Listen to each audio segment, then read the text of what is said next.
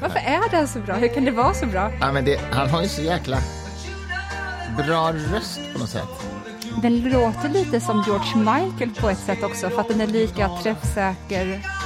Samma plats, Ja, lite, samma register. ja, samma register är det nog främst som är likt. Det är det ju faktiskt. Jag sänker lite nu. Du kanske ska berätta för Billy lyssnarna. Joel, Vienna. Det är så kul också att det är just Vienna, alltså Wien.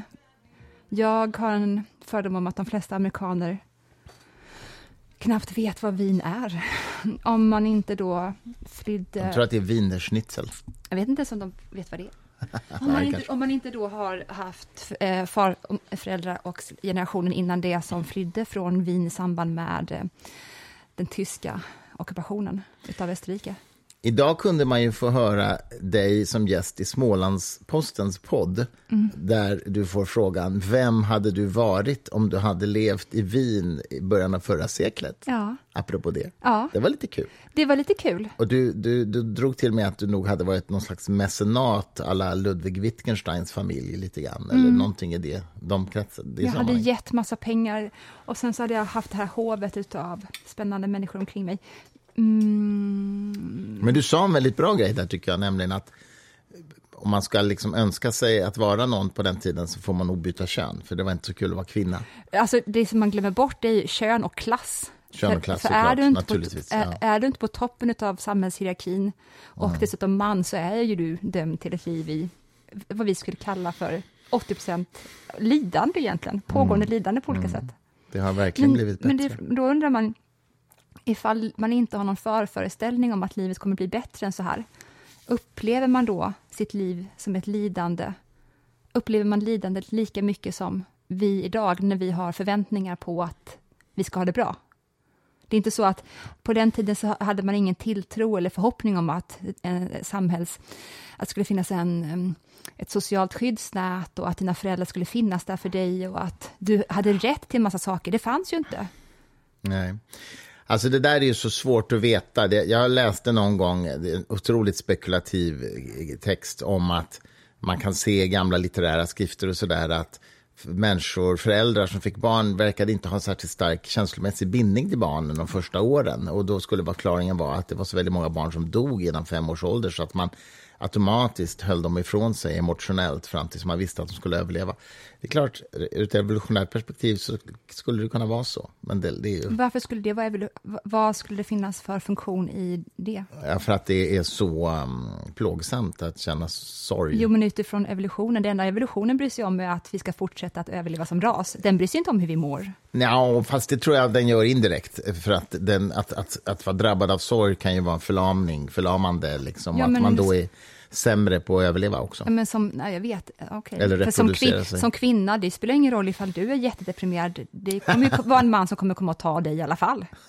Från ett evolutionärt perspektiv så bryr sig inte någon om hur du mår. Skål! Och med den muntra inledningen på podden, Alltså, herregud. jag tror att Saffar bara, åh, mår du dåligt? Men då ska inte jag försöka göra de här sakerna med dig. Var det du som sa det att varför kvinnor blir så jävla otrevliga när de får PMS?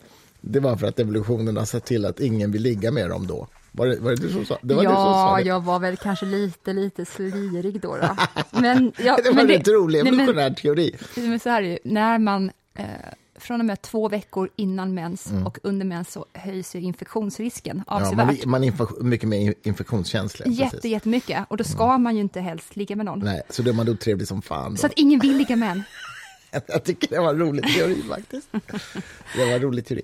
Ja, men, det, men i din podd den här i Smålandsposten, nu, jag fick ju höra att jag var en märklig varelse också. Det var roligt. Mm, det var, men, sa jag, Jag inte det med jättemycket Jo, det kärlek? gjorde men det var så roligt uttryckt. Jag tyckte det var jättekul. Eller du kanske sa speciell varelse, eller Nej, jag märklig sa varelse. faktiskt märklig. Mm, märklig varelse. Men det var du som började, inte för att vara sju år gammal, mer än nödvändigt, men det var ju du som började genom att i ditt efterord till din bok skriva att jag har ett märkligt intellekt. Att du har ett märkligt intellekt? Men det har du ju. Alltså, allvarligt. Och vet du, jag tycker det är så kul. Det framgår ju i den här podden som du gjorde i Smålandsposten också, och alla, alla våra samtal, att du tycker ju i princip allting allt efter andra Vatikankonciliet Ja, är men liksom gud! modernistiskt trash och, och allt innan är bra, allt efter är skit. måste du Jo, ha men andra? Vatikankonciliet Jo, som men någon milstolpe? Kan du ta det är- månlandningen istället? Mm, ja, det var ju nästan samtida, fast Vatikankonciliet var väl några år tidigare. Ja, skitsamma, men det roliga är, vad jag ska komma till är ju, trots att du, du vurmar så mycket för det, det där gamla kulturhistoriska och inte gillar det modernistiska, så har jag ju kommit på dig de senaste dagarna att titta på sex långa avsnitt av en dokumentär om Andy Warhol. Alltså det är ju så inte du som man kan tänka, som det går att tänka sig, dig som konstmänniska så att säga. Det är ju verkligen inte. Och ändå tycker du den är jättebra. Ja, jag blir jätteberörd Snacka om att du har ramlat ner i det modernistiska kaninhålet här. Andy Warhol, liksom. Men- Tomatsoppaburkar. Ja, gud. Ja, visst. Nej, men det är väl klart att jag hade tyckt om honom och den här serien ännu mer om han hade Mm. Eh, gjort sitt bästa på att med att eh, måla Rubens-aktiga tavlor istället. Eller efterlikna någon, någon annan barockkonstnär. Nej, men så här är det ju. Kulturen är ju en dräkt som i sin tur såklart, det finns återspegling i ehm, vad vi är som människor som tar sig uttryck i den här dräkten, absolut. Och jag tycker att den dräkten som eh, samtiden är klädd i just nu gör ingenting för mig, riktigt. Men eh, det betyder ju inte att eh, det som finns där inuti inte ändå kan skina igenom. Och så är ju fallet med Andy Warhol. Det är en människa där inne, det är ett livsöde där inne. Sen är det tyvärr då klätt i en kulturell dräkt som jag inte eh, får ut något utav. Jag fattar. Men jag tycker ändå det var lite roligt. Annars är jag ju van vid liksom att bli väckt på morgonen och få en föreläsning om grundaren av jesuitorden liksom, innan man har hunnit få sitt första morgonkaffe. Gud. Så, att, så, att, så att därför är det lite roligt att det plötsligt är Andy Warhol. Alla män liksom. där ute som lyssnar på det här bara tänker, alltså jag har det ganska bra i min relation ändå. nu, när, nu när jag får veta hur Christer har det. kanske inte är så dumt. Eller något jävla helgon som du ska berätta om hur, Men hur alltså, de har levt och dött innan ja. man somnar. Ja. Ja. men visst är det fascinerande det här med jesuitorden? ja, det är det ju. Jag måste ju erkänna det. Ja. Jesuitorden är ju jättefascinerande. Det är ju verkligen katolska kyrkans intellektuella alibi. Mm. Det räcker ju inte dock, men det är en annan sak som vi kan ta en annan podd. Alltså jag är bara tyst nu. Jag, jag, jag tänker inte lockas in i det där nej, faktiskt. Nej, det. Men jag und- det skulle jag vilja prata med någon om och återkomma till i podden för alla Mm. er en och en halv lyssnare som bryr om detta. Hur det kom sig att just jesuiterna blev, de här, uh, blev det här vetenskapsklustret. Mm. För om, om, man, om man ser de, fysisk, de stora upptäckterna inom matematik och fysik Mm. under 1900-talet, det räcker att man bara liksom tittar en sekund till på vilka som var med där, så kommer du alltid hitta en jesuit där. Mm. Jag vet. De är överallt, de Har jag jesuiterna. sagt tidigare, har vi pratat i podden om eh, Lemaitre, jesuitprästen som också var astronom och som var den första som, som eh, utvecklade Big Bang-teorin.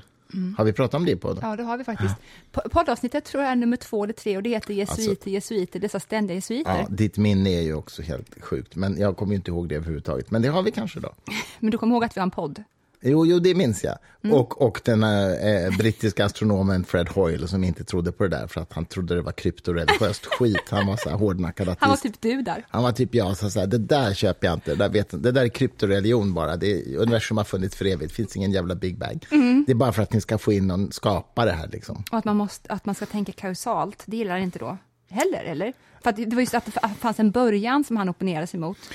Ja, an, ja, just det. Han, han, han trodde, då trodde man ju att universum hade existerat oändligt länge, så att säga. Eh, En annan möjlig tolkning av Big Bang är ju att det, att det finns icke-kausala förlopp. Men det är, en, det är en annan diskussion. Men han trodde att universum alltid hade funnits. Ja, det fanns ingen början. Ja, precis.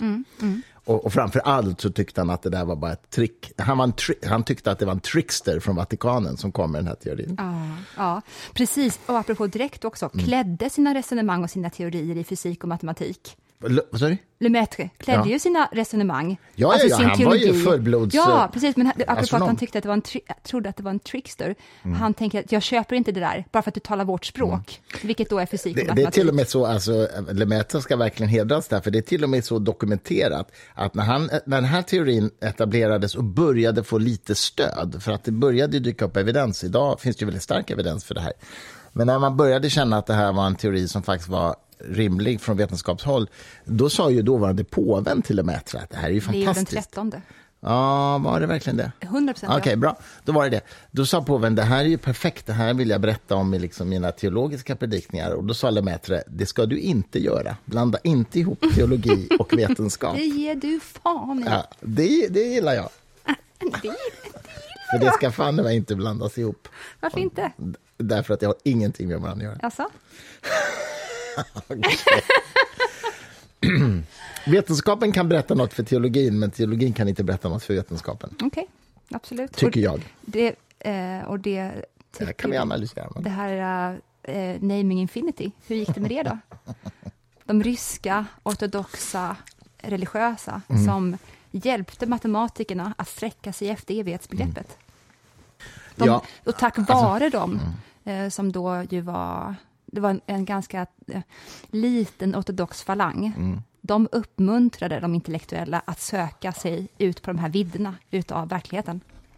Ja, jag vet. Om vi ska prata om det här seriöst så är det klart jag håller med om. Jag skulle till och med säga att religionen satte själva grunden för att man skulle börja undersöka världen med vetenskapliga glasögon, därför att man trodde att världen var begriplig av ett skäl, nämligen att det fanns en intelligens bakom den. Mm. Så att i den meningen är det klart att teologin har hjälpt vetenskapen fram. Men vad jag menar är att, vad jag menar är att teolo, teolo, teologin har ingenting att bidra till huruvida vetenskapliga teorier, så att säga, har ingen evidens att bidra till hur, huruvida vetenskapliga teorier eh, är, är, är, rimliga eller inte. Däremot, nej, så, har den, sure. däremot så har den ju såklart att bidra till att man, eh, vad ska vi säga, öppnar inför att tänka i nya banor, så att säga. Men det skulle ju, det, det skulle konsten också kunna ha, eller litteraturen, eller musiken, eller teologin. I den meningen så kan det bidra. Mm, absolut. Och man så, skulle så också skulle kunna säga att allt detta kommer ändå från någon sån här samma plats, dessutom, det vill säga människans kreativitet. och, vad, och vad är det för någonting? Ja. Det är ju ett, ja, kanin, det, det är ett kaninhål om något. Det är ett kaninhål. Det, det, det, Nej, men jag skulle verkligen säga att teologin så att jag la, la, grunden för, la grunden för vetenskapligt tänkande. Det, det i sig säger ingenting om teologins sanningsanspråk, Absolut. men att den ändå bidrar till det. Ja, precis. Det och, och sanningsanspråket efter eh, då, det att eh, kunskapsteoretiska sanningsbegreppet. Mm, mm, mm. Nu finns det ju många som tycker att det finns fler sanningsbegrepp än det. Ja. Mm, men det gillar inte du. du. Du håller dig enbart till det kunskapsteoretiska sanningsbegreppet. Så, så länge det gäller empiriska frågor, ja. Ah, okay, ja. Mm, mm, mm. Vilka andra sanningsbegrepp gillar du då i så fall? Nej, men alltså, man, man, kan ju tala om eh, sanningsbegrepp som har med konst eller musik att göra. Och så där. Men, jag, men det, det empiriska sanningsbegreppet tycker jag att det bara finns, kunskapsteoretiskt bara finns en rimlig. Mm. Och det skulle nog... Men det så, ja. Ja. Strunt samma. Det, jag, tror, jag, tror, att de flesta filosofer nog ändå, bortsett från en del radikala falanger, skulle hålla med om det. Så länge man talar om empiri, empiriska frågor, om verklighetens så att säga, empiriska natur. Mm, absolut. Um, Nietzsche sa ju faktiskt att den katolska kyrkans strävan efter att nå vad som är sant eller inte mm. ledde till att den håller på att falla sönder. Därför att Intressant. Det är som att um, det är en alien som bor inom kristendomen och den bara törstar efter vad är sant egentligen. Mm. Och det är också den som grundade hela religionen. Dess fundament vilar på den här alien. Mm. Men så småningom då när den har hittat nog med mat som den äter, mm. då kommer den liksom döda dig för att den kommer bryta sig ut. Och därmed kommer de här byggstenarna som det religiösa då består av falla sönder. Förresten, apropå det så har ju du ofta pratat om en katolsk präst är det väl, som heter Richard Rohr. Han är franciskan, ja. Franciskan. Jag tycker så mycket om honom. Som, som eh, ju verkar vara jättekontroversiell i kristna kretsar, för man tycker alltså, att han hädar eller är kättare, eller vad man Han tycker. är det i konservativa kristna kretsar. Ja. Nu, tack och lov så består ju inte kyrkan bara av konservativa Nej. kretsar, utan ytterst liberala också.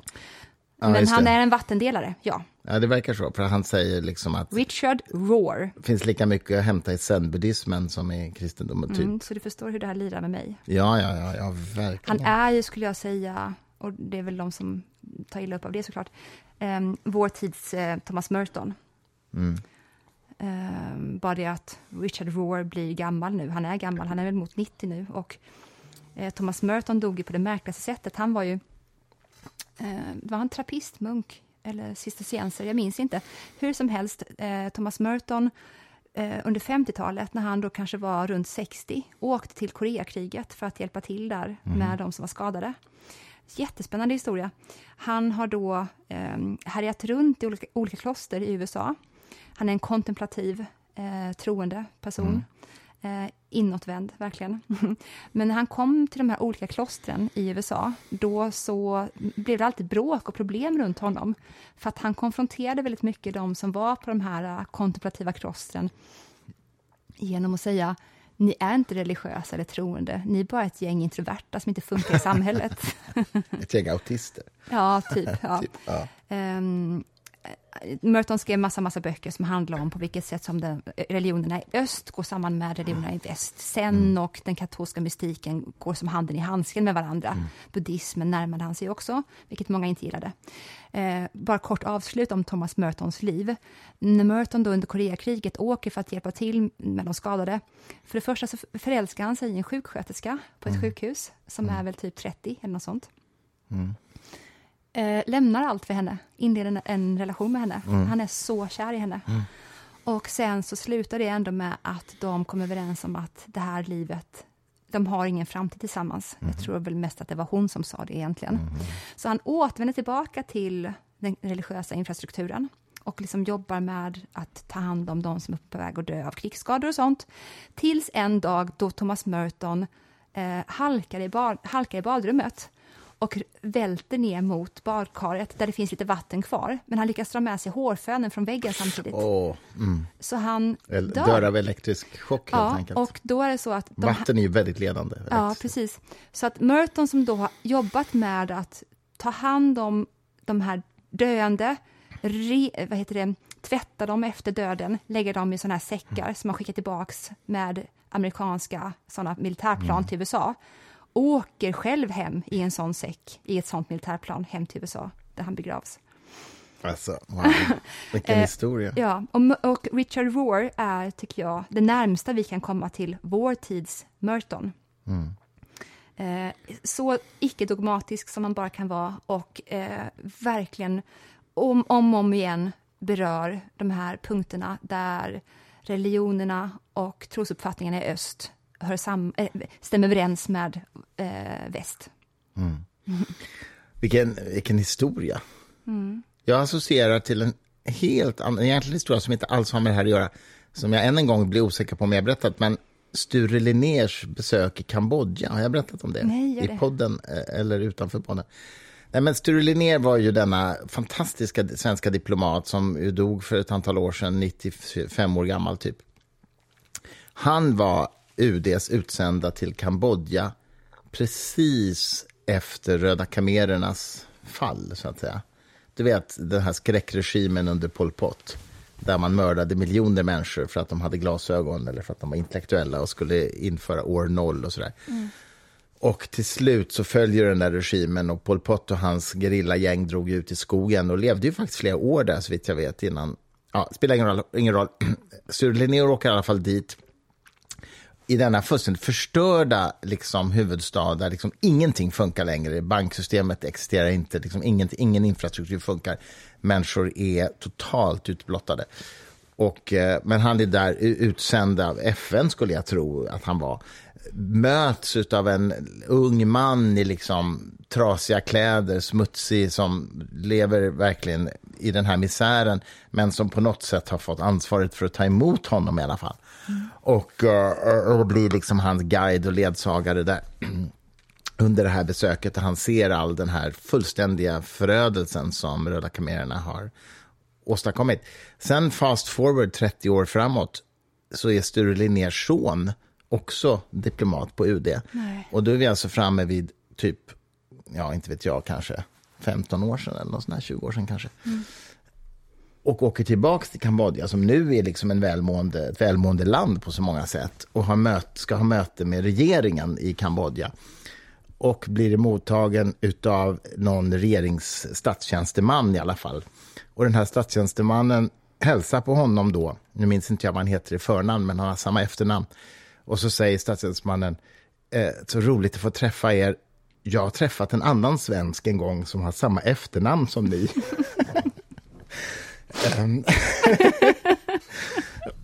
och Och eh, det visade sig då att, att eh, det var alltså det var samma man som mötte hans pappa, alltså som mötte den här tjänstemannens pappa då.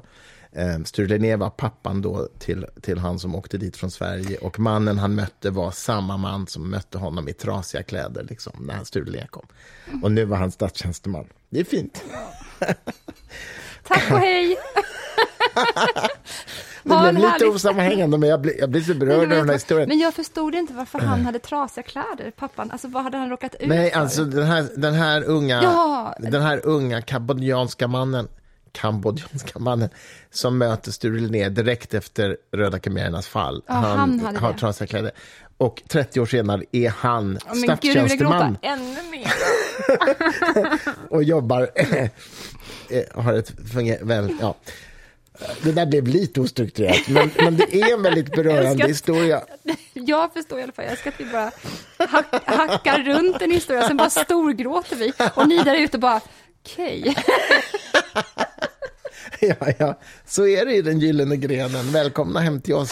Liksom, Vi gråter ju väldigt mycket du och jag, får man ändå säga. Jag gråter lite varje dag åt något. Du gråter kanske varannan dag åt något. Men jag är sentimental för Jag musik och det. film framförallt. Nej men inte bara det, vad är Nej, det? inte bara det. Okej då.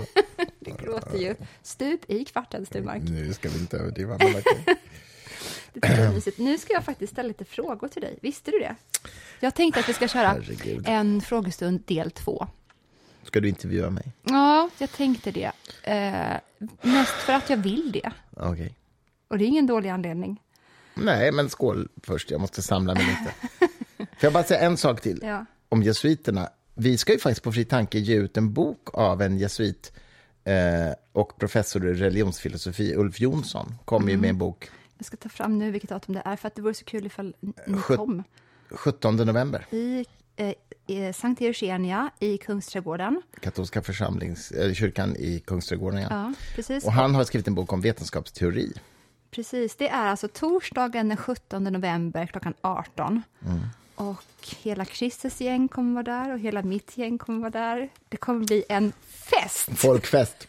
Folkfest. Folkfest. Ja, men Ulf Jonsson är ju en person jag har stor respekt för. Han har skrivit flera böcker om religionsfilosofi som jag har läst och uppskattar. Och, eh, han undervisade i alla fall på, Stockholm, eller på Uppsala universitet i religionsfilosofi. Kanske han fortfarande är osäker. Men fram, framförallt har han skrivit en bok som heter Med tanke på Gud som går igenom alla de klassiska filosofiska argumenten för och emot Guds existens. Och åtminstone min upplevelse när jag läste den var att den var väldigt eh, hederlig i att redovisa de bästa argumenten från båda Jag sidorna. du skulle säga hednisk.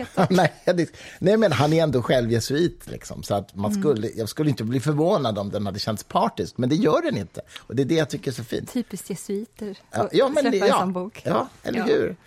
Vad heter det? Av någon anledning, det, här, det här har jag sagt till flera jesuiter, eh, to their faces. Eh, och de eh, erkänner inte att det är så alls. Och det är, hur kommer det sig att ni alltid är så duktiga att stå nära makten? är liksom den, den vedertagna sanningen där ute. Eh, James Martin i USA, som jag skulle säga är den mest berömda jesuiten i USA, han skojar jämt om detta. Han har skrivit massa böcker där han också drar många jesuitskämt som berättar om hur mycket de tycker om att eh, glida på andras... Ja, det ska inte jag dra dem nu, för jag, jag har ju ett Du har jesuitskämt. dragit, ja, men det har du dragit i podden, tror jag. Ja, och i min bok också finns det. Och jag, vissa katoliker gillar det verkligen Fast du inte kan det. dra det igen. Nej, jag tror Nej, inte det. Jag tror Ja, inte det. Ni får gå tillbaka till gamla podden. Ni får det. Nu ska vi gå vidare med... Alltså jag är så nyfiken på, älskling. Mhm. För det första, eh, jag tyckte att jag fyllde på så mycket champagne, men nu är den liksom bara, nu har den dunstat. Ja, det är skandal. Ska du hämta lite till innan vi Innan vi börjar börjar med fråga dig. Vi tar en liten paus Ja, ja, och så kommer vi tillbaka. ja, precis. Jag trycker på, på Knappen. paus. Jag måste bara se så jag gör rätt här. Älskling, första frågan. Du kan få ta en klunk. Ja, alltså nu måste jag, nu blir jag alldeles nervös. Ska bli intervjuad. Ja. Mm. Kan inte du berätta för mig Mhm. och för våra lyssnare varför du aldrig kommer åka på ett mansläger?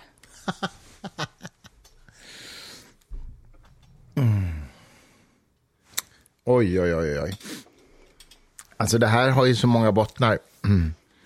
Eh, Okej, jag ska göra en väldigt snabb eh, översiktligt så får du väl borra i enskilda aspekter på detta. För det första så tycker jag att eh, alla kollektiva beteenden är eh, pinsamma. Jag har jättesvårt för kollektiva beteenden när man ska göra saker i grupp. Och jag tänker mig att mansläger, då gör man massa saker i grupp. Ärligt talat, i vilket jävla läger som helst, så teambuilding-läger, även om det är både män och kvinnor, skulle jag inte heller åka på, för att jag avskyr att göra saker i grupp. Det är en anledning. En annan anledning är att jag har väldigt svårt för... Ja, tre anledningar ska jag ge. Det var den första. Den andra är att jag har väldigt svårt för identitetspolitiska idéer om att vi som har, är av en viss sort i någon mening ska ha något speciellt gemensamt. Alltså, jag tycker mansläger eller herrmiddag är lika dumt som att ha en middag bara för brunögda. Jag är ju brunögd. Att, skulle jag gå på en middag, nu har vi en speciell middag bara för brunögda, för vi kan ju prata med varandra på ett speciellt sätt, vi som är brunögda. Vi har, vi har ju gemensamma intressen och vi har, eller, eller för, nu har vi en middag bara för folk som är 1,90 och uppåt i längd, för vi har ju en sak gemensam, vi är 1,90. Jag tycker det är helt bisarrt. Jag har aldrig varit på en herrmiddag heller. Jag har svårt för idén för tjejmiddag också. Det är ju inte, involverar ju inte mig, men jag förstår inte varför man som tjej vill gå på en tjejmiddag. Jag skulle inte gå på en herrmiddag, jag skulle aldrig ha en herrmiddag. det är det andra skälet. Och eh, just det, och det tredje skälet är att jag har svårt för den här upp, upptagenheten av att det finns en särskild mansroll. Det läser man ju ibland i media, så här att ja, det, det, det, är en mansroll i förändring och en del män har, män har svårt att orientera sig i förhållande till en ny mansroll och bla bla bla. Alltså, jag, spelar inga, jag kommer inte spela någon roll, varken mansroll eller någon annan roll, utan man är sig själv med sina individuella egenskaper, personligheter och intressen. Jag köper inte det där med att det finns en speciell mansroll. Och så så att där, även det är skäl till varför jag inte vill gå på, åka på ett mansläger. Herregud, själva tanken är frånstötande tycker jag.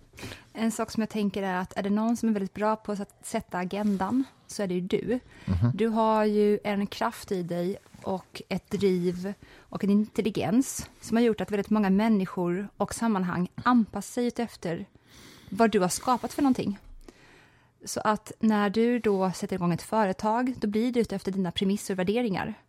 När du samlar människor, som du gör på många samtalsmiddagar och sånt, alltså när du rör dig ute i samhället, mm. då har du lyckats skapa dig en form av bubbla som du går runt i. Och i den bubblan kan jag se att det är helt irrelevant med någon mansroll. Mm. Men många av de männen som säger bor på norrländska mansbygd, mansbygden, mansbygden. landsbygden, som inte, har lyckats, som inte har lyckats sätta sin egen agenda mm. utanför mm. räckvidden av sitt eget hem, mm. de befinner sig bara konstant i ett samhälle där de inte känner att de platsar in eller hör hemma. Mm.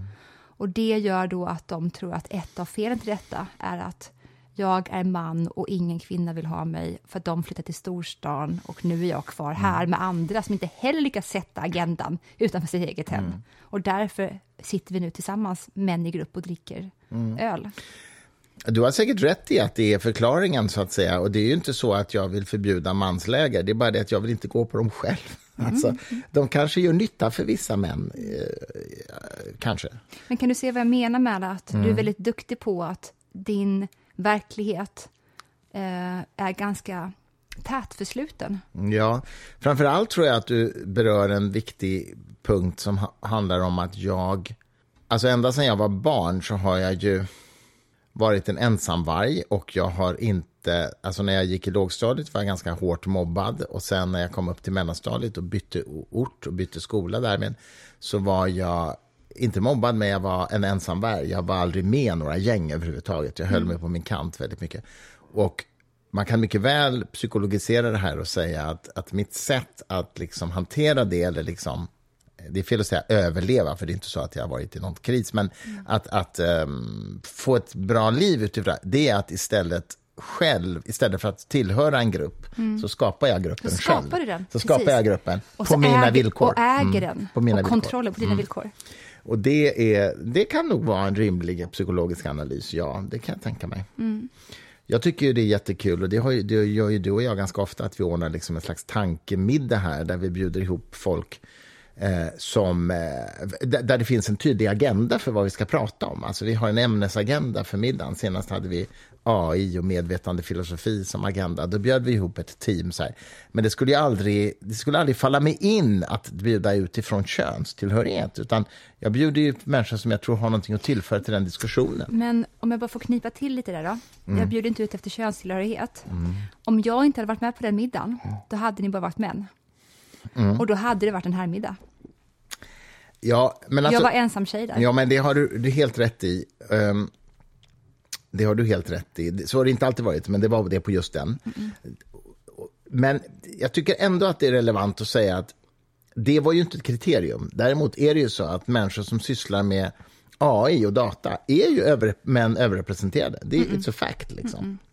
Eh, så att det är inte så att jag är emot att, att det så att säga, av andra skäl råkar vara bara män. Eller bara det är bara att det, I så fall, det råkade bli en herrmiddag, men ja. det var inte så att du skickade ut eh, kom bara du hem till oss på den här middagen, men ta inte med din fru. Nej. Så var det ju inte. Nej. Det har du varit med om dock, att folk har skickat till dig, att det är herrmiddag. Mm. Och då har du skrivit, det sjuka är också att någon, någon skrev, det är schackkväll. Som Kommer bara var för killar va? Ja. Mm. Och då spelar du och jag lika mycket schack. Ja, men då får ja, inte jag Du är dessutom med. bättre än jag, så att det, är helt, alltså det är helt, ja, nej, men det skulle aldrig falla mig in att gå på det faktiskt. Um, nej, men det är ju helt knäppt alltså. Varför, varför får man en sån idé? En sån idé? men jag ska berätta ett roligt exempel. När ja. min son gick på, ska vi se, var det förskolan eller var det i ett, Jag kommer inte ihåg. Nej, det var nog när han gick i lågstadiet. Ja. Så, hade, så, fick, så fick man som förälder ett meddelande från förskolan, eller, eller lågstadiet, ja. som var så här. Om ditt barn ska ha födelsedagsfest hemma, mm så vill vi att ni, att ska vi se bara så jag säger rätt här.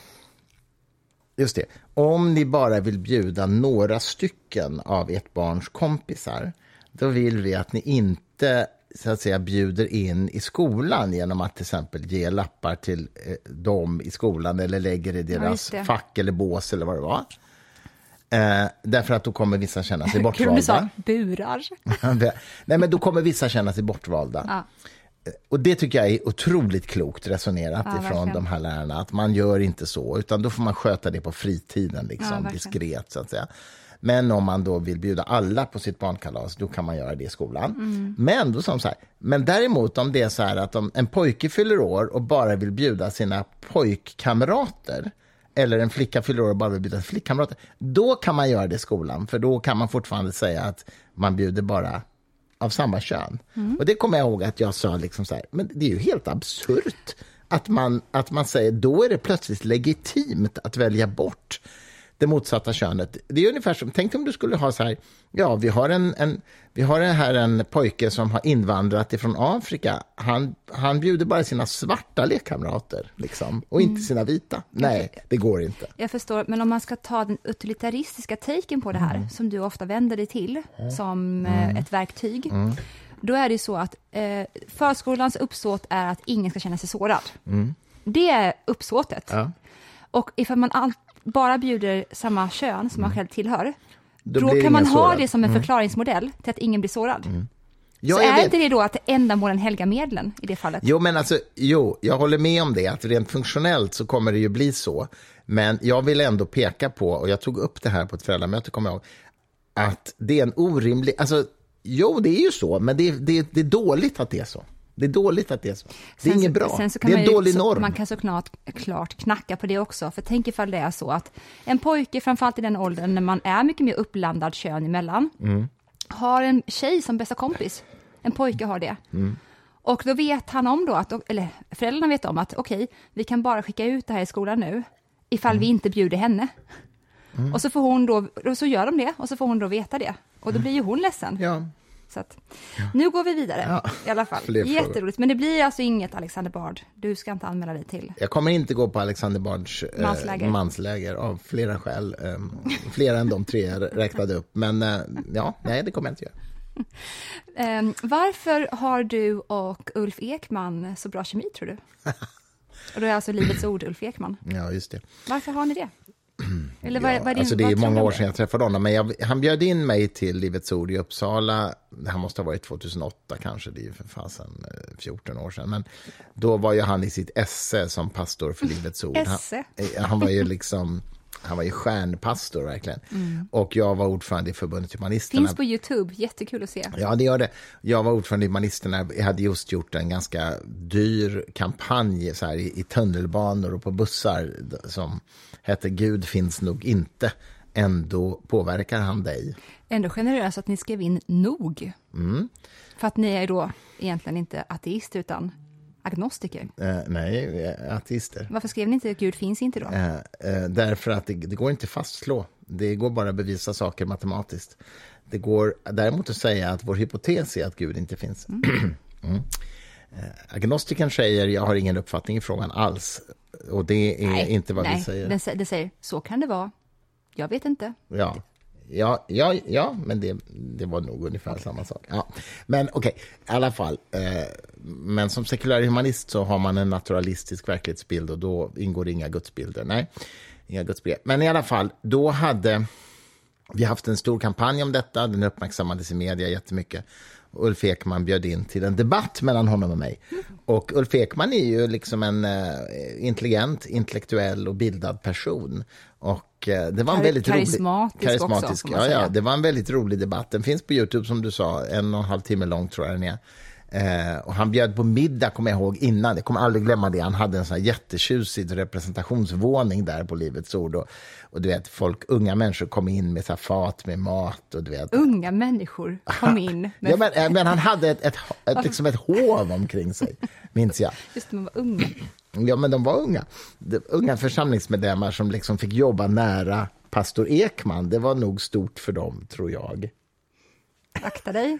Eh, eh, och eh, ja, ja, men det fanns inga, det fanns inga liksom, omoraliska aspekter på det. det var, men men jag, jag fick den känslan av att det var fint att få jobba nära Ulf Ekman. Liksom.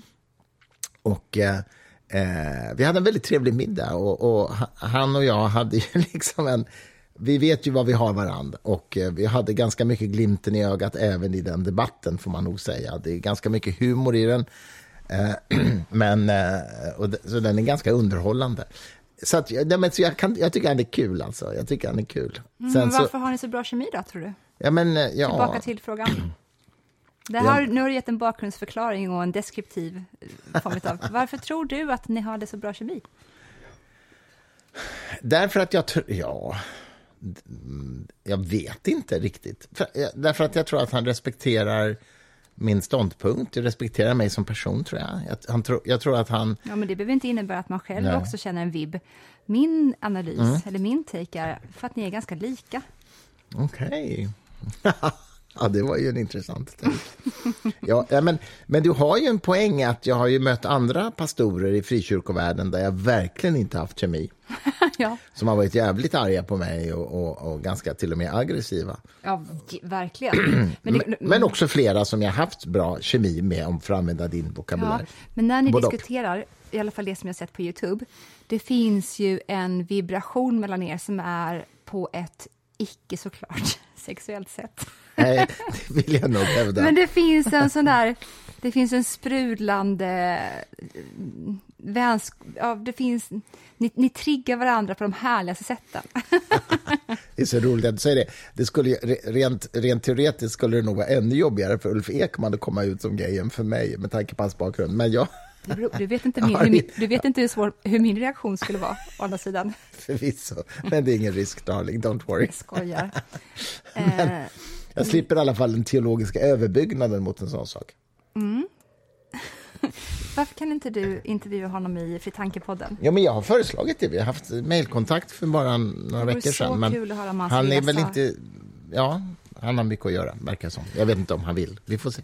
Nu Jag går kan vi försöka igen. Gör Mm. det. Nästa fråga. Och nu kanske inte jag har modellerat den perfekt, men förstå vad jag är ute efter istället för att eh, se hur jag tekniskt beskriver eh, min Mm. fråga. Mm-hmm, Varför tror du att du oftare än jag använder dig av sociala konstruktioner som förklaringsmodell? Eh, Ja, varför gör jag det? Antagligen för att jag tror att sociala konstruktioner oftare är en förklaringsmodell än såklart. vad du Men gör. vad skiljer dig och mig åt då? Varför, va- hur har du landat i detta? Mm. Var du, va- varför tror du det? Oftare än jag. Nej, men okej. Därför att jag är ju existentialist i botten. Jag tror att, att ex, ehm, jag tror att existensen föregår essensen, så att säga. Medan jag, tror, jag upplever att du tror att essensen föregår existensen. Men är det verkligen att vara existentia- existentialist? Ja, det skulle jag nog säga. Alltså, det är ett sätt att beskriva det i alla fall. Och låt mig bara utveckla det lite då. Jag, jag, jag tror så att säga att vi blir de vi är genom våra val, våra handlingar. Det skulle Jean-Paul Sartre definiera, tror jag, som existentialist. Existentialism. Han skrev ju en bok som heter Existentialismen är en humanism också. Ehm, Medan jag tror att du har en starkare föreställning om att det finns en, en, en essens i oss människor som bland annat, ehm, vad heter det, pre, eh, att du är predisponerad att göra vissa saker, att du ska bli författare. Sen har du fortfarande, precis, sen har du fortfarande val och ansvar du måste ta därefter. Såklart. Såklart. Det är ingen determinism. Nej, och det här är ju naturligtvis inte svart eller vitt, det är inte binärt det här. Eh, Men jag tror att jag, jag tror lite mer så att säga att social konstruktion viktar in än, än vad du gör. Sen är det ju så här, jag lär mig ju hela tiden nya saker. Jag, jag har läst ganska mycket genetik och, och evolutionsbiologi och, och mycket forskning tyder ju på att Vetenskapen gener... är ju på min sida, om jag säger så. Ja, ja, men ja, i alla fall i vissa avseenden. När det gäller arv och, och miljö så ju, tyder mycket på att genetiken spelar större roll än vad man har trott. Eh, och jag tror också att man på kanske 70-talet, om man eh, förenklar det lite nu, gärna ville framhäva miljö före arv. Oh. Och vetenskapen talar mo- mot det. Är det här en generationsfråga mellan oss? Att du blir tvättad i ehm, hur mycket vi är en produkt av den sociala infrastrukturen medan jag inte blev det lika mycket. Det värsta jag blev utsatt för när jag var liten eller när jag växte upp, det var ju RFSU typ. Ja. Därför att de var verkligen fortfarande, och är tror jag fortfarande, helt superinsnöade på att ehm, Ja, ungefär så som socialarbetare, socionomer förhöll sig till vad människan är på 60-talet. RFSU är kvar där fortfarande. Vilket Jag också vet. såklart är ideologiskt. Man måste komma ihåg det med. Det är en jättebra fråga faktiskt du ställer. Är det här en generationsfråga eller inte? Jag kanske inte riktigt tror det av, av följande skäl, nämligen att jag har ju aldrig varit en del av um, vänsterrörelsen. Eller liksom, eh, jag, jag är född 64. Jag var för ung för att vara en del av 68-rörelsen. Vem tog hand om dig när du var liten? Vilka tog hand vilka Ja, du menar mina lärare? föräldrar? Självklart. Det är ju vattnet i simmar Fast de har heller, heller aldrig varit vänster. Vet du. Nej, nej. De men- var nog så här klassiskt tror- nej, medelklassliberala. Om, nej, men om samhället är genomsyrat Mm. av en viss abstrakt uppfattning av vad människan är för någonting, Mm. då kommer du sätta på det i möte med förskolepedagoger. Du kanske inte du gick i förskola? Ja, du gick i alla fall i skola, gjorde du. Ja, jo. Gjorde- Nej men, nej, men vet du vad? Men vad jag tänker möjligen är ju... Jag växte ju upp från tio års ålder med en styvfar som var politisk journalist på Sveriges Television. Han var ju väldigt, väldigt samhällsmedveten och politiskt medveten. Han var nog... Ja, han var, han var nog socialdemokrat, tror jag han var. Även om det var ju naturligtvis aldrig uttalat, för han måste ju vara neutral, så att säga. Men jag tror att han skulle nog... Jag ska fråga honom vid tillfälle. Han Ja, lever ju fortfarande. Ehm, ehm, om han var det då. Men ehm, det kan ha påverkat mig, för han betydde mycket för mig intellektuellt i min utveckling. Men samtidigt är det så att din mamma var ju såklart jättepåverkad av sin mamma.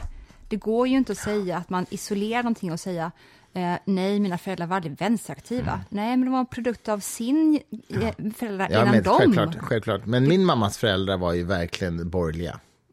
Verkligen borgerliga.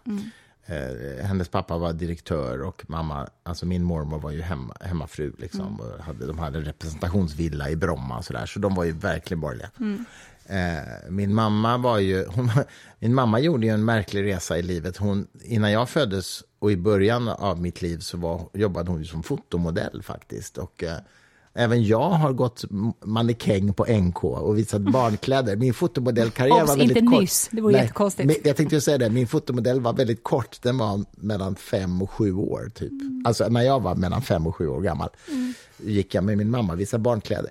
Men mm. i alla mm. fall, sen, sen så blev min mamma researcher på Sveriges Television och sen så blev hon screenade labb, alltså molekylärbiologi och sen doktorerade hon i molekylärbiologi när hon var 60 år gammal. Mm. Eh, så hon gjorde en omvänd bildningsresa åldersmässigt. så att säga. Hon utbildade sig när hon var ganska gammal. Mm. Men, det är så imponerande. Ja, men alltså... Men hon har nog alltid varit medelklass, borgerlig i alla fall, får man nog säga. Mm.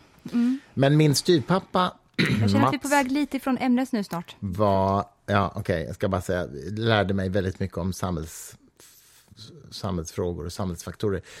Social konstruktion, ja. Har du, om jag frågar så här då. Mm. Eh, under den tiden som vi har levt ihop, för att jag kan uppleva att sen vi blev tillsammans, mm. så har du varit mindre benägen att säga att ja, men det beror på sociala omständigheter det enda jag egentligen fiskar mm. efter här nu är, har jag påverkat dig på ett positivt sätt i den här frågan? det, det, är en intressant, alltså, det, det, är två frågor i det. Har du påverkat mig? Och är det, och är positivt? det positivt eller negativt? Absolut. Ja, men, nej, men så här, om jag har påverkat dig, mm. då hoppas jag ju att du är benägen nog att sortera den påverkan i, mm. är det här sant eller inte? Stämmer ja. det eller inte? Och är det sant, då kan det väl bara vara positivt? Mm. Eller hur? Ja, du skulle det, inte låta, det, ja, skulle inte låta det påverkas om det är Nej, negativt. Det är väldigt sant. Det är väldigt sant. Nej, men så här, jag skulle dela upp det i två grejer. jag tror att eh, min syn på könsroller och genus tror jag att jag fortfarande tror att den sociala, bit, sociala konstruktivistiska biten har en starkare roll än vad du tror, mm. även om jag eh, tror att biologin spelar ganska stor roll också. Men jag tror att det finns en gradskillnad där. Den är kanske inte jättestor, men den finns. Däremot så tror jag att du har påverkat mig en hel del i att tänka att det här med att vi kan ha en slags essens, essentiell drivkraft som, som predestinerar oss till vad vi ska bli eller vad vi ska göra. Liksom. Mm. Att, den, att den kraften kan finnas latent i oss av en, både genetiska skäl eller, eller psykologiska, whatever, men att den är ingenting man liksom konstruerar along the way, utan att den finns där. Det kan jag tänka mig. Mm. Och det kan jag tänka mig också utifrån att jag har lärt känna dig och sett hur, du, hur otroligt starkt du är präglad av din, din egen essens och dina livsval och hur, de, hur starkt de präglar dig och ditt liv. Mm. Det har definitivt påverkat mig. Mm. Um, men jag accepterar verkligen att det finns biologiska, biologistiska könsskillnader, både i kognitiva processer och um, alla möjliga sådana. Jag tror att folk drar fel slutsatser av det ibland. Ja, eh, det är en annan sak. Det, ja, tror, jag, det tror jag verkligen också. Men jag tror att de sociala konstruktionerna när det gäller kön och genus fortfarande är rätt starka mm. och spelar in i människors livsval. Det tror jag också. Mm. Det tror jag också. Ja. Går vi vidare till nästa fråga. Mm. Vilken kvinnlig förebild har du? Och nu mm. när jag säger kvinnlig, mm. jag vill bara öppna för att du kan säga Bowie. ja, men Bowie är ju en jätte... Vi var nej, ju men du, nej, men du måste, nej, men du måste, ja, men, nej, men du, du flödar, mm. flödar ut så lätt nu. Mm. Du, du, kan, du måste nu svara på frågorna ordentligt. Mm, mm, nu, kvinnlig, vilken kvinnlig förebild och varför? Ja, um, jag tror att Bowies, eh, ryktet om Bowies bisexualitet tror jag är väldigt mycket en mediekonstruktion. Jag är inte så säker på att han var bisexuell, jag tror att han var ganska hetero. Men, men däremot lekte han med könsroller jättemycket. Eh, det är en sak. Eh, två kvinnliga förebilder. Dels tycker jag Marie Curie var fantastisk, mm. alltså Nobelpristagare i kemi två gånger. Hennes dotter fick också Nobelpriset. Eh, eh hon var en sann forskarsjäl tillsammans med sin make Pierre. Ehm, eh, otroligt häftig kvinna på många sätt. Jag läste hennes dotters biografi om sin mamma när jag var 16 år, kommer jag ihåg. Och det, det, det, det finns kvar i mig. Otroligt imponerande kvinna. En annan häftig kvinna eh, är Martin Nussbaum. Hon är professor i filosofi i USA, Aristoteles-expert skrivit många böcker som är fantastiska. Eh, men alltså förebild, ja, det här blir, det är så svårt. Eh. Under tiden som du tänker kan jag prata mm. med lyssnarna en stund. Ja, gör det. Så är det, när jag skulle släppa min första bok, mm. då så... Nej, men du ska ju tänka, älskling. Jaha, nu lyssnar jag på dig, men okej. Okay. Mm. då så lärde Christer mig att när du får frågor om någonting, använd bara det som en trampolin till vad du vill prata om. Annat, ja. ja. Och eh, eftersom jag är så drillad inom det och har också gjort det och haft stor behållning av det, så märker jag hur du gör det med mig nu, mm. på ett sätt som kanske inte andra märker. Mm. Och jag vill verkligen att vi pratar om de sakerna som jag har bestämt. Jaha, det vill du? Ja. ja. You want to be så in control. Så, ja. nej, jag vill, nej, men jag är nyfiken på de här mm. sakerna. De andra grejerna som du börjar berätta om vet ju jag. Det här är för min skull också. Så, att, så fort mm. som jag märker att du trampolinar på mina frågor, mm. då vill jag säga nu, nu, stum, nu stummar jag den här trampolinen. Men jag ska ge ett, kvar, ett par kvinnor till då. Mm. Kate Bush har mm. varit en stor inspiratör. Hon var en musikal, musikaliskt nyskapande kvinna verkligen, mm. som har funnits med sedan mina tonår.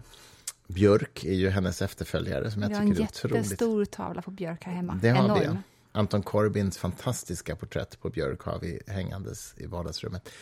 Um, ja, hon tycker jag är jätteimponerande. Sen, alltså det är så svårt från vilket område liksom. Men det är um, valfritt. Mm. Men nu har du sagt några stycken. Ja, några stycken i alla fall. Mm. Absolut. Mm. Och nu går vi vidare. Vi närmar oss slutet, men en sist, två frågor till. Mm. Varför ville du ta bort religionsfriheten? Nej, jag skrev en debattartikel som ju har blivit viral verkligen 2007 i Aftonbladet, tror jag där jag eh, säger att i Sverige så har vi ett antal grundlagsskyddade friheter. Tankefrihet, åsiktsfrihet, föreningsfrihet, mötesfrihet, yttrandefrihet. Eh, vad tillför religionsfriheten som inte redan skyddas av de här andra friheterna som jag nu räknade upp? Det är väldigt svårt att precisera Symbolvärde. det. Symbolvärde. Just det. Och det är i sådana fall det enda. Och då måste man väga det emot det faktum att religionsfriheten missbrukas på en massa områden. Det vill säga att man, eh, olika intressegrupper i samhället säger det här vill vi göra i religionsfrihetens namn trots att det skulle vara uppenbart förbjudet om vi inte motiverade det med religion. Ja, och Det tycker jag är ett missbruk av religionsfriheten. Mm.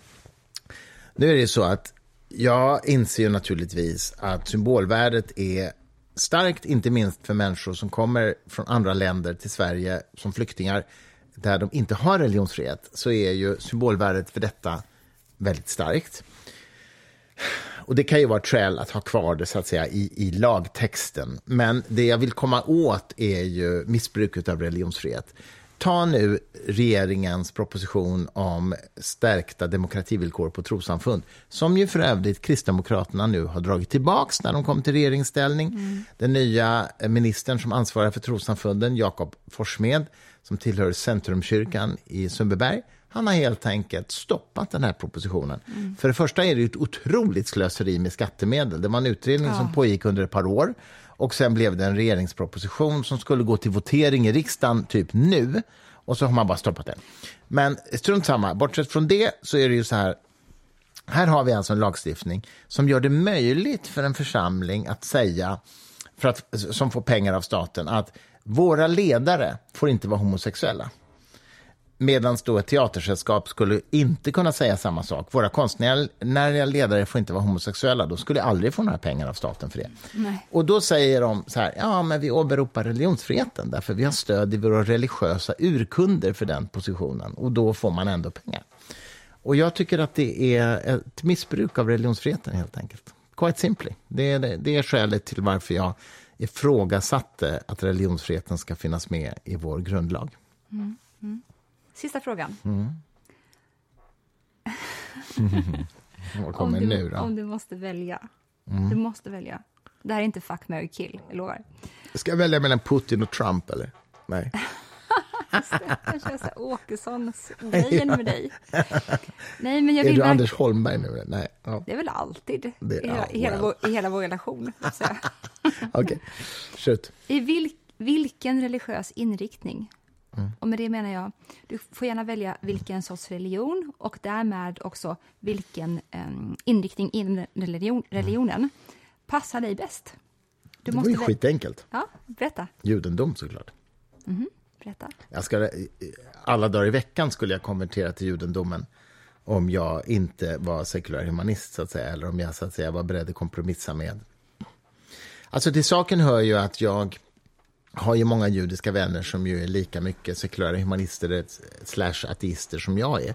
Och det är ju fullständigt legitimt att vara det inom judendomen. Ja, och du har ju också obs, judiska vänner som är troende. Det är inte så att du bara Ja. väljer ut. Nej, nej, men, nej, men min, min poäng är att det går att vara jude och, och vara ateist. Det går inte att vara kristen och vara ateist. Du. Det går inte att vara muslim och vara ateist. Nej. That's my point. Nej. Men, men, men det jag talar om är ju den judiska kulturen, filosofiskt, musikaliskt, litterärt, som är helt fantastisk och som jag känner väldigt stor närhet till och gärna skulle vara en del av. Vi älskar båda det judiska arvet to the core. Var det sista frågan? Ja, det var det. Och Det här kändes som med 30 minuter med Anders Holmberg ungefär. Herregud alltså. Vilken... Jag är alldeles kallsvettig. Ja. Men det är bra. Det är bra. Nu ska jag... Nästa gång ska jag intervjua dig. Då jävlar.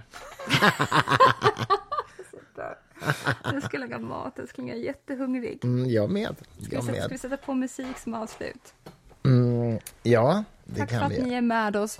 Ehm, Eftersom vi vill eh, spridas eh, likt corona, höll jag att säga, så får ni gärna... Nej, det vill vi inte. Rekommendera gärna oss till någon tankfull vän där ute som behöver bli förvirrad, mer eller mindre. Den gyllene grenen. Den gillar grenen. Vi hörs om en vecka. Hej då. Hej då.